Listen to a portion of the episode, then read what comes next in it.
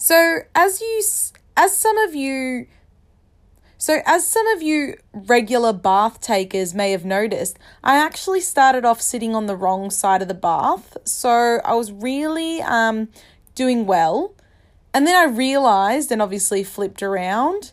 In that moment, I also figured out that there are bubbles around, that um, I have feet, that uh, I could do some yoga practice and stuff like that.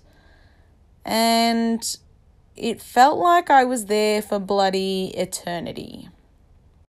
As you can tell, I'm super fidgety and clearly have no idea how to relax. And by the time I started to, yeah, the timer went off.